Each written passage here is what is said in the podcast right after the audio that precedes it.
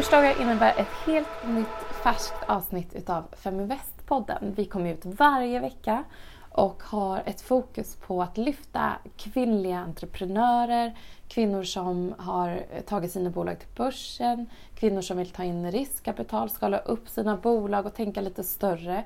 Eh, allt för att vi tror att goda förebilder, kunskap, inspiration och också att vi pratar om det kvinnor gör istället för att fokusera på vad kvinnor inte gör eller hur lite vi sparar eller inte investerar är superviktigt för att vi faktiskt ska få till ett förändrat samhällsbeteende.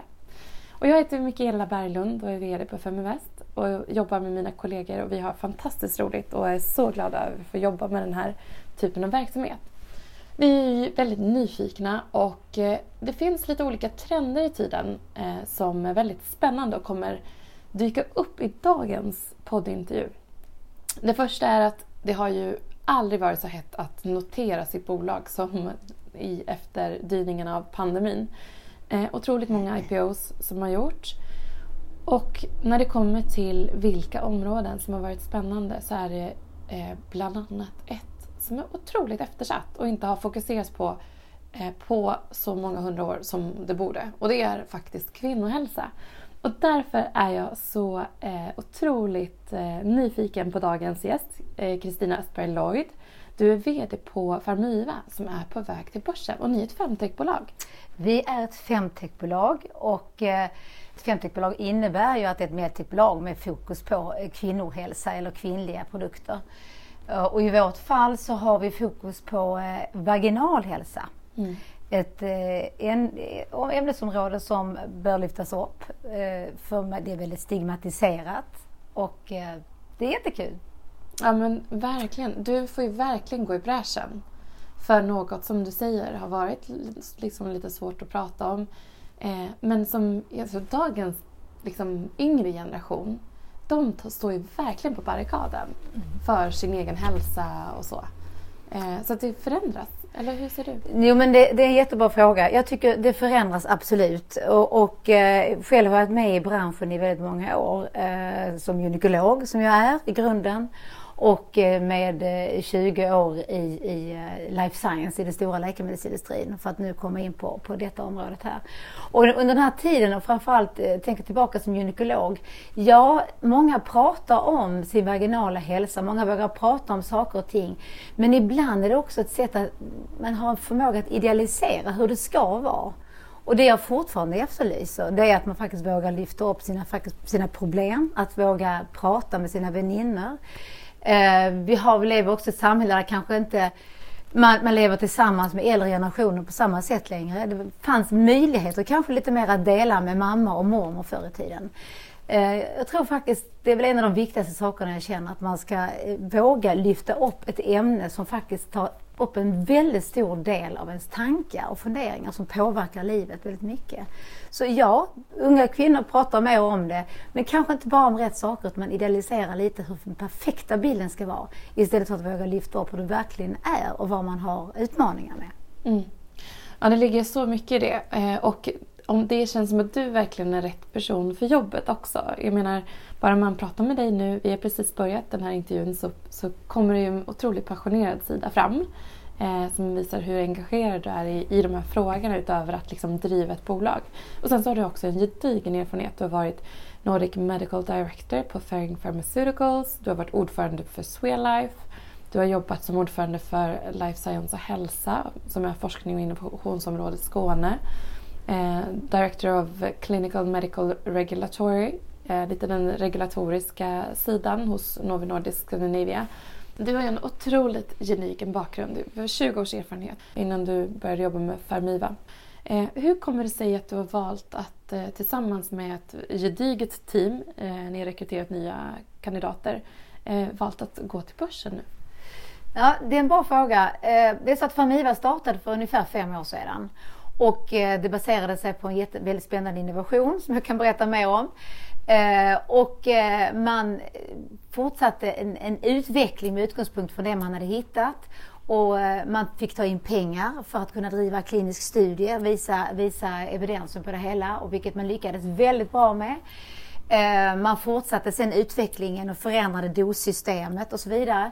Och det innebär att under den här tiden, sedan drygt fem år tillbaka, så har Famiva tagit in pengar vid fem tillfällen, totalt eh, 60 miljoner. Och eh, man kom till den punkten nu när vi håller på att expandera. Vi har kommit bra mycket längre och har nu en produkt som är färdig och CE-märkt.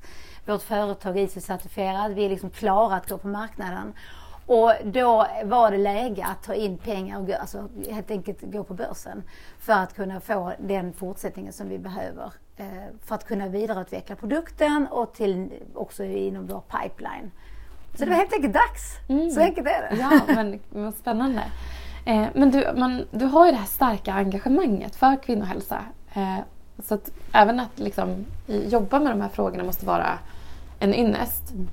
Men var kommer det ifrån då? mitt engagemang eh, har jag alltid haft eh, för kvinnor och kvinnohälsa. Ända sedan jag blev läkare faktiskt på, i slutet på 80-talet så visste jag med en gång att det var gynekolog jag ville bli. Det finns ju många andra delar i engagemanget för kvinnor som är väldigt stort och det är också att verkligen eh, säkra förutsättningar för kvinnor med utbildning, eh, att, att också kunna ta för sig, att våga prata om saker och ting. Eh, det vet vi från en av mina absoluta idoler, Melinda Gates, som också menar på hur viktigt det är att, att satsa på kvinnor och kvinnohälsa. Det är precis där vi är nu, där det är jätteviktigt att göra det för framtidens skull. Så det engagemanget är inte så svårt att, att få fram. Det som är intressant här det är väl då att, att mitt engagemang för kvinnor, liksom, min säck har knutits ihop kan man säga. För jag började som gynekolog och eh, för ungefär eh, 20 år sedan så började jag på Färing som du berättade om tidigare eh, som nordisk medicinsk chef där det var just fokus på kvinnohälsa. Och sen har jag då varit också på Novo Nordisk där, där det är mycket fokus på diabetes och, och fetma vilket har varit otroligt intressant att jobba med. Men även till viss del kvinnohälsa. Och när den här möjligheten kom upp då på Famiva, att bli VD på Famiva i höstas, så kändes det helt rätt att knyta säcken.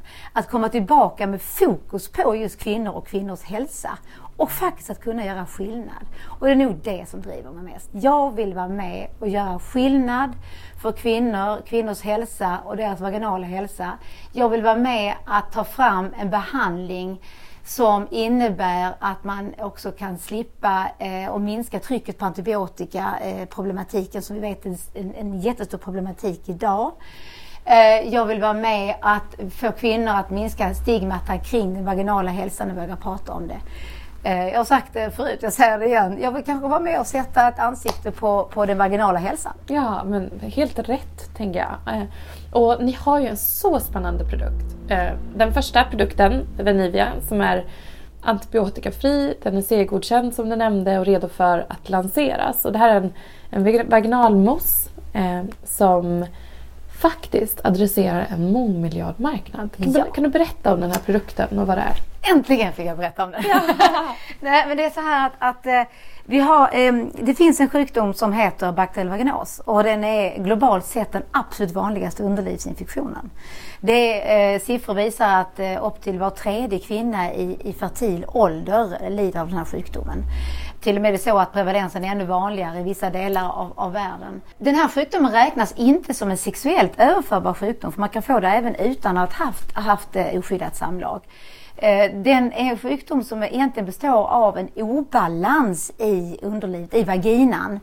Eh, där de eh, skyddande mjölksyrabakterierna har minskat och av någon anledning så kommer då eh, skadliga bakterier in och ta över, dominera helt enkelt i vaginan. Ofta är det förknippat med att av någon anledning pH i vaginan går ner och då sker detta ganska så snabbt. Och, och sådana tillfällen kan vara att många, till exempel menstruation, kan öka pH i vaginan. Det kan också vara att efter ett samlag, oskyddat samlag, att, att man kan också få ett ökat pH i vaginan. Och kan man känna, förnimma den här doften ganska starkt. För många kanske inte det betyder så mycket och det kan också vara övergående. Men väldigt många kvinnor lider av det här dagligdags. Och eh, en sak är väl besväret med de illaluktande flytningarna som är då, påminner då mer om, om rutten fisk eh, och verkligen är påtagliga. Det andra är naturligtvis, vad, vad innebär det för kvinnan? Jo, det innebär för kvinnan att hon eh, eh vill inte ha någon intimitet, vill inte gå för nära folk. Det påverkar naturligtvis eh, hennes sexualliv.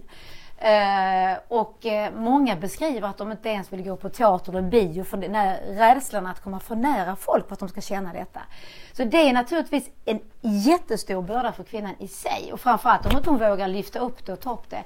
Det andra är att har man den här infektionen, bakteriell vaginos, så eh, löper man otroligt stor risk för andra ganska allvarliga komplikationer.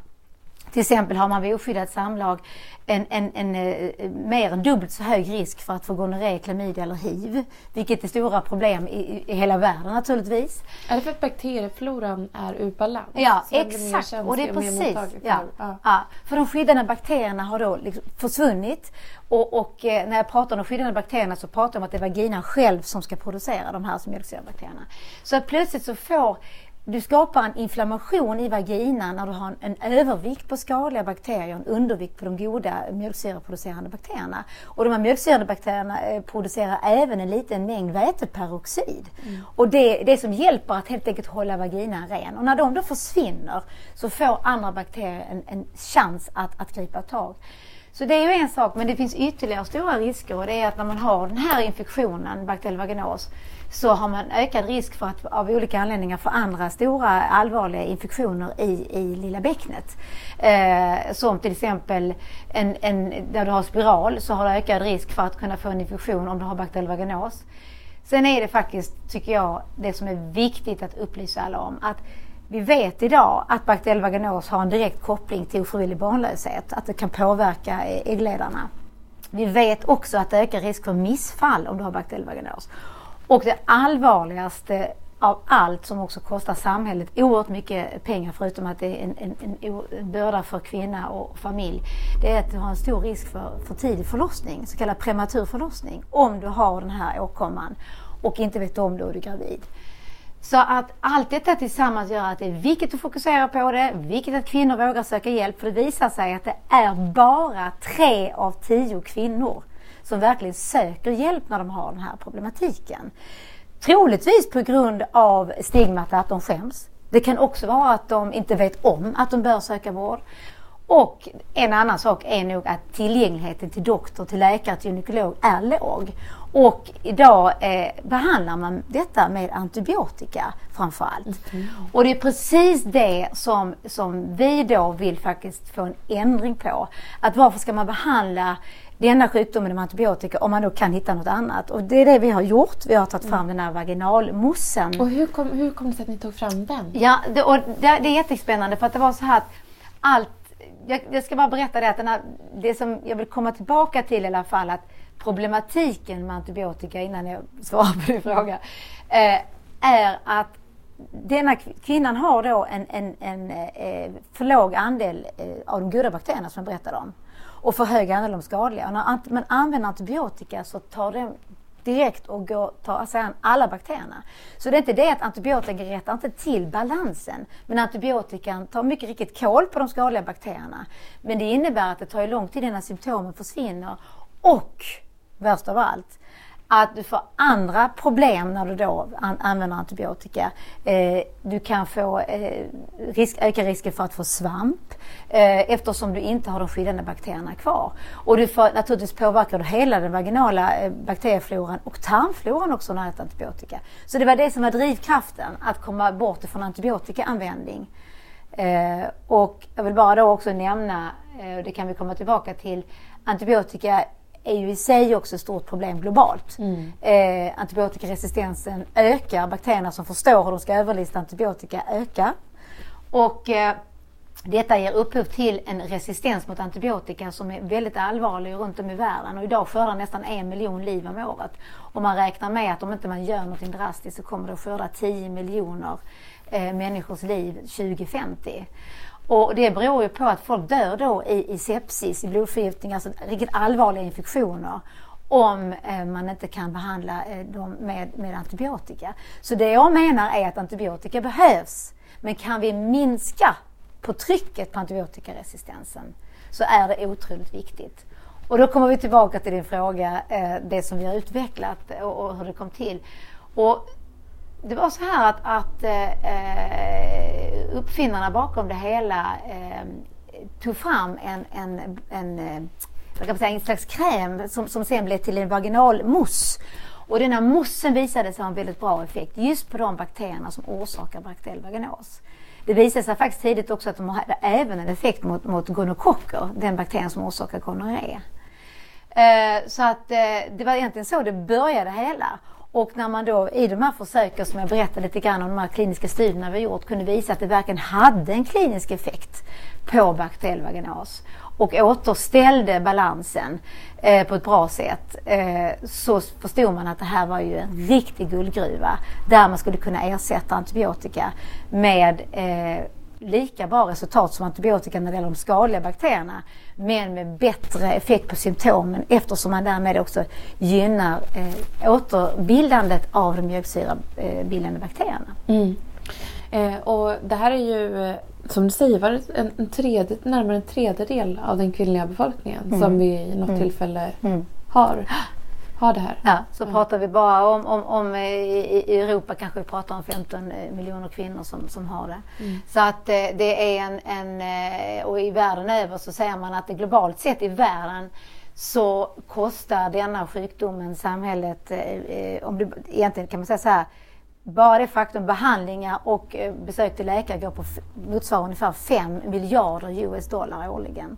Och lägger du därtill på kostnader för komplikationer så pratar vi 50 miljarder US dollar mm. årligen. Mm. Eh, men som sagt var, ungefär 30 procent av alla kvinnor mellan 14 och 49 år har den här åkomman. Mm. Så det är en stor marknad, jättestor marknad att ja, adressera. Och det där så, så känns det som att det är en utmaning att nå ut i bruset. Och mm.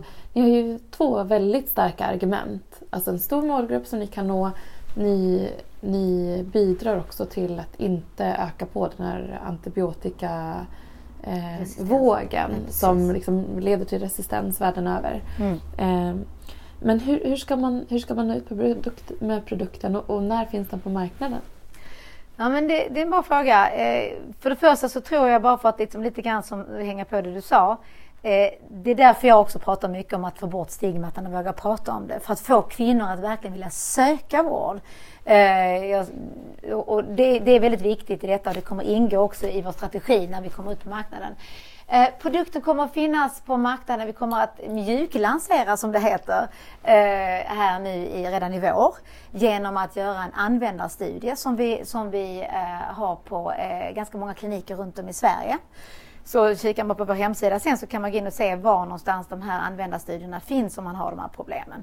Eh, både i Stockholm, alltifrån Sundsvall till, till södra Sverige faktiskt och här i Stockholm har vi eh, en klinik, eh, Tohill Medical, som, som också har den. Eh, men, eh, det, så det kommer vi göra och den användarstudien kommer vi att använda oss av väldigt mycket också att se, okej, okay, är det någonting vi kan förbättra ännu mer i våra instruktionsblad och så vidare för att få en input för kvinnor. För det är väldigt viktigt, vad tycker kvinnorna själva om detta? Det vi vet idag är att barnmorskor och gynekologer är verkligen exalterade över detta och har längtat efter någonting som, som kan göra skillnad. Men vad tycker patienterna om det då? Och det, det, det, ska bli jätteintressant den här användarstudien. Vi har ju kliniska studier innan naturligtvis med, och en annan stor som också pågår just nu i Skottland. Men just den här användarstudien blir vårt sätt att gå på marknaden. Och när vi har gjort det så är, är vi redo för en fullskalig lansering. Eh, och vi har just nu sagt att det är då i början på nästa år. Um, och vi kommer att uh, ha vår produkt, att lansera vår produkt via apoteken, både fysiskt och via e-handel. Det är vår all, absolut första. För vi har också sett i en undersökning att kvinnor lyssnar väldigt mycket på vad, vad professionen säger. Och man eh, tycker att gå på apoteken har ändå en, en, en, en bra stämpel eh, som vi ser det här i Sverige. Men för oss är det väldigt viktigt att göra den lättillgänglig Eh, för jag tror att, som jag sa innan, eh, jag sa att tre av tio söker vård, alltså det är sju av tio som inte söker vård eller behandling. Hur kan man adressera dessa kvinnor för att ytterligare skapa en bättre vaginal hälsa? Jo, men det är framförallt att göra det lättillgängligt. Och, och, så det är väl det är vår absolut huvudsakliga, eh, vårt fokus. Mm.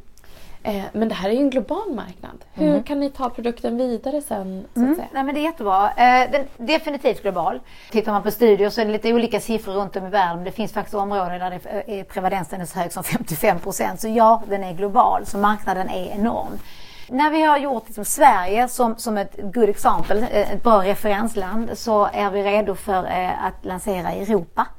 Och vi kommer och har naturligtvis redan på gång det här. Eh, dialoger med olika partners ute i Europa eh, för att kunna eh, ha en, ett, ett, ett, samarbete där. Och naturligtvis via e-handel där också. Och eh, redan nu tittar vi på de regulatoriska ramarna i USA för att kunna komma till USA. Men det tar ju, alltså det kräver ju förarbete och förberedelser så där är vi i full gång och tittar på den biten.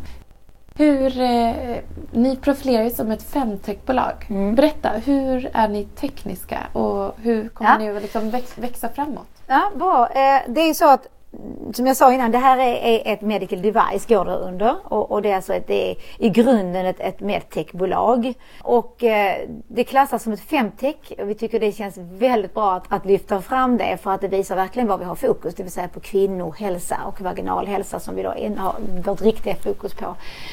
Vi vill ju fortsätta arbeta helt under den, under den manteln och eh, vi, vår pipeline speglar detta på ett tydligt sätt. Vi har en pipeline som, som där vi i första hand kommer även eh, att ta fram för indikationen svamp. Det är nämligen så att den här mossen vi pratar om, den baseras på en, en, en, en teknologi och där kommer det medtech in då som heter Venerol. Och den, det är från den här teknologin som vi då gör olika produkter. Men allt består av vaginalmousse. Och det visar sig att den här moussen då som består av, av eh, kristallina lipider, monoglycerider kan man säga, eh, tillsammans med en, en låg dos väteperoxid och som jag berättade innan så innehåller en frisk vagina en, en, en liten, eh, en liten dos av, av väteperoxid som då produceras naturligt av, av laktobacillerna. Och så innehåller det då även mjölksyra för att snabbt få ner pH och därmed så försvinner doften också snabbt men inte bara det utan utläkningen verkligen sker. Så den här vaginalmosten då visar sig eh, att den har ju även effekt på, på svamp faktiskt. Eh, men det vill vi visa i klinisk studie så vi vet redan att, att, den, att den har en effekt. Eh, men vi visar den i klinisk studie. Sen har vi då den här, den här plattformen bereder oss ytterligare möjligheter. Jag nämnde innan att in vitro-studier, det vill säga studier som man gör i provrörsbasis, visar att den här mossen eh, faktiskt har effekt mot eh, gonorré och eh, bakterier också, gonokocker. Så den kommer vi också fortsätta den utvecklingen i vår pipeline för att kunna ha ett antibiotikafritt alternativ till könssjukdomar framöver och eh, till exempel dagen efter behandling, om du har haft ett oskyddat samlag och du är rädd att du har fått någon typ av smitta, så ska du kunna behandla dig utan att behöva ta antibiotika, mm. eh, är det meningen. Så det ligger på pipen. Och sist men inte minst, denna 50-produkt, och då kommer vi över mer till läkemedel. Den lämpar sig väldigt bra som drug delivery system som man kallar det för. Det vill säga att den kan vara bärare av ett läkemedel. Eh, och då tänker vi oss att, att det är den typen av sjukdomar som till exempel endometrios eller dysmenorré, alltså kraftig, kraftig menssmärta, eh, där du får en möjlighet att distribuera ditt läkemedel närmare målorganet, det vill säga kring livmoder, äggstockar, äggledare och djupt i slidan nära tarmen. Och det, men det ligger alltså i vår, vår utvecklingspipeline längre fram. Så först och främst är det ju svamp, candidabesvär och sen nästa hand är det då eh, könssjukdomar som vi kommer också utveckla inom. Mm, spännande.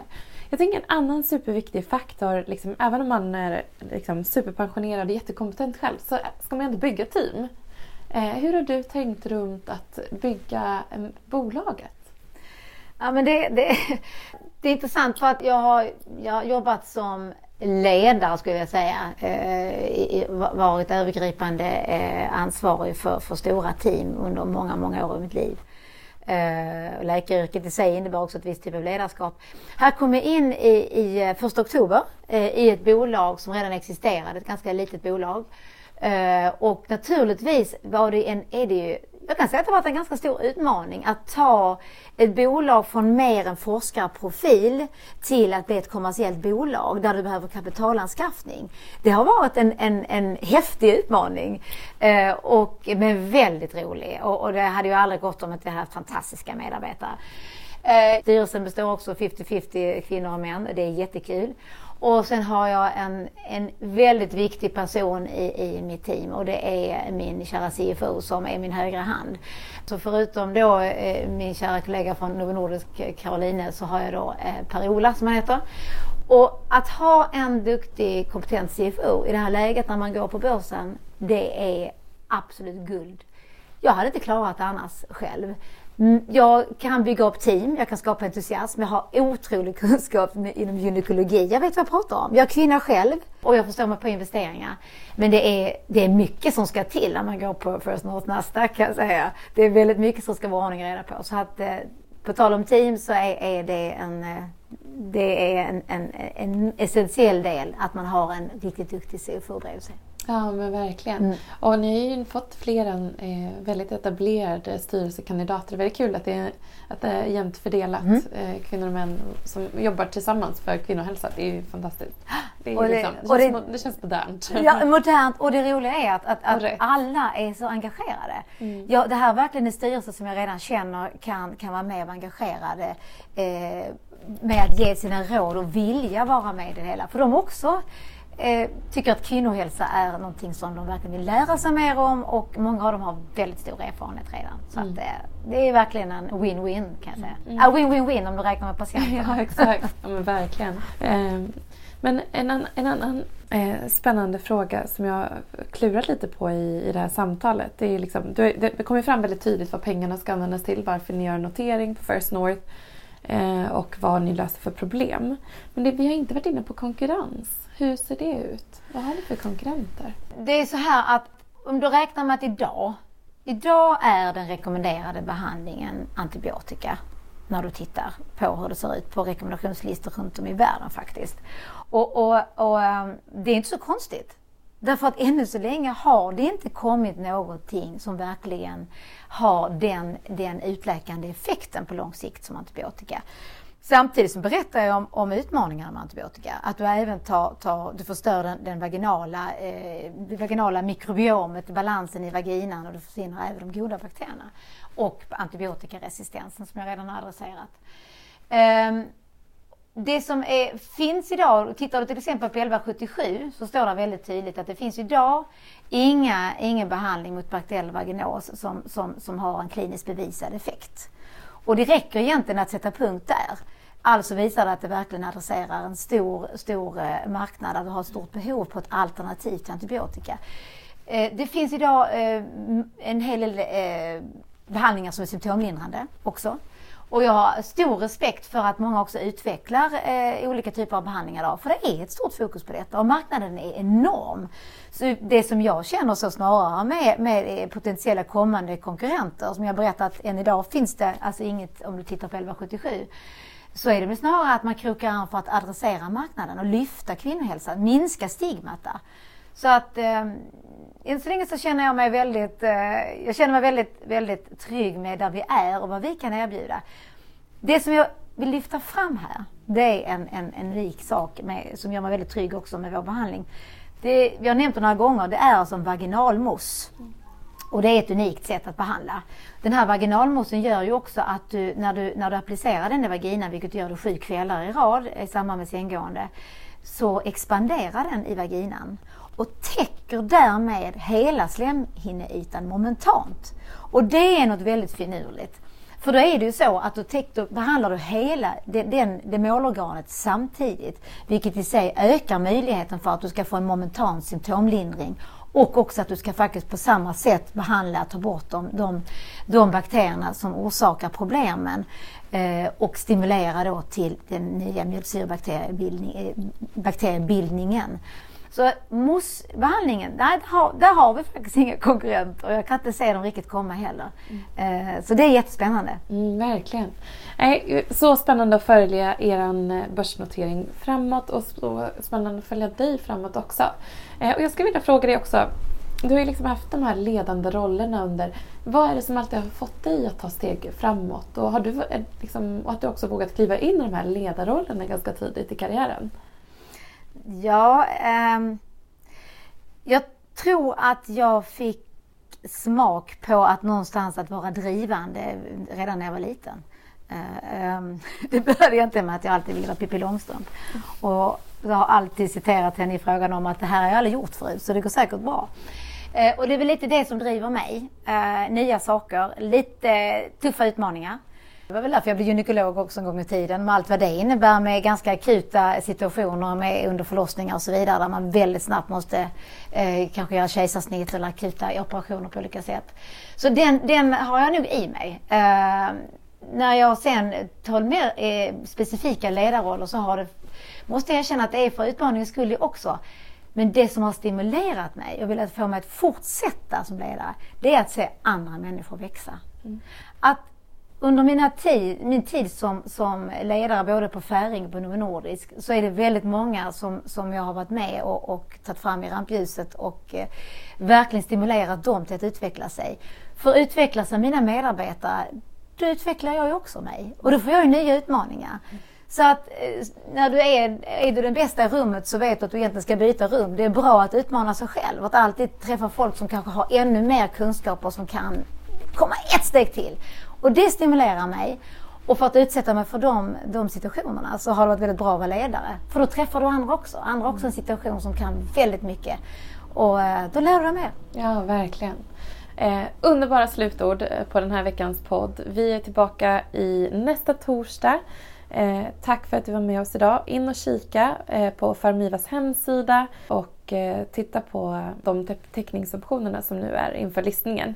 Eh, och Emissionen uppgår till 35 miljoner kronor som kommer resas nu i samband med IPO på First North eh, under slutet av mars. Och eh, värderingen uppgår till 80 miljoner eh, pre-money.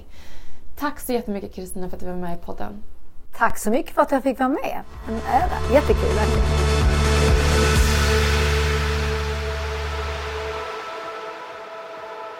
Feminvest är Sveriges största investeringsnätverk för tjejer. Vi vill att allt fler ska våga äga och förvalta. Och hur gör vi då detta? Jo, vi vill inspirera, utbilda och utmana runt ägande, investeringar och entreprenörskap. Följ Feminvest på våra kanaler Facebook, Instagram, Youtube varje vecka så kommer vi även ut med en podd och du kan ju självklart även följa nyheterna som publiceras på feminvest.nu. Det är bara att söka på Feminvest på samtliga kanaler så hittar du till oss.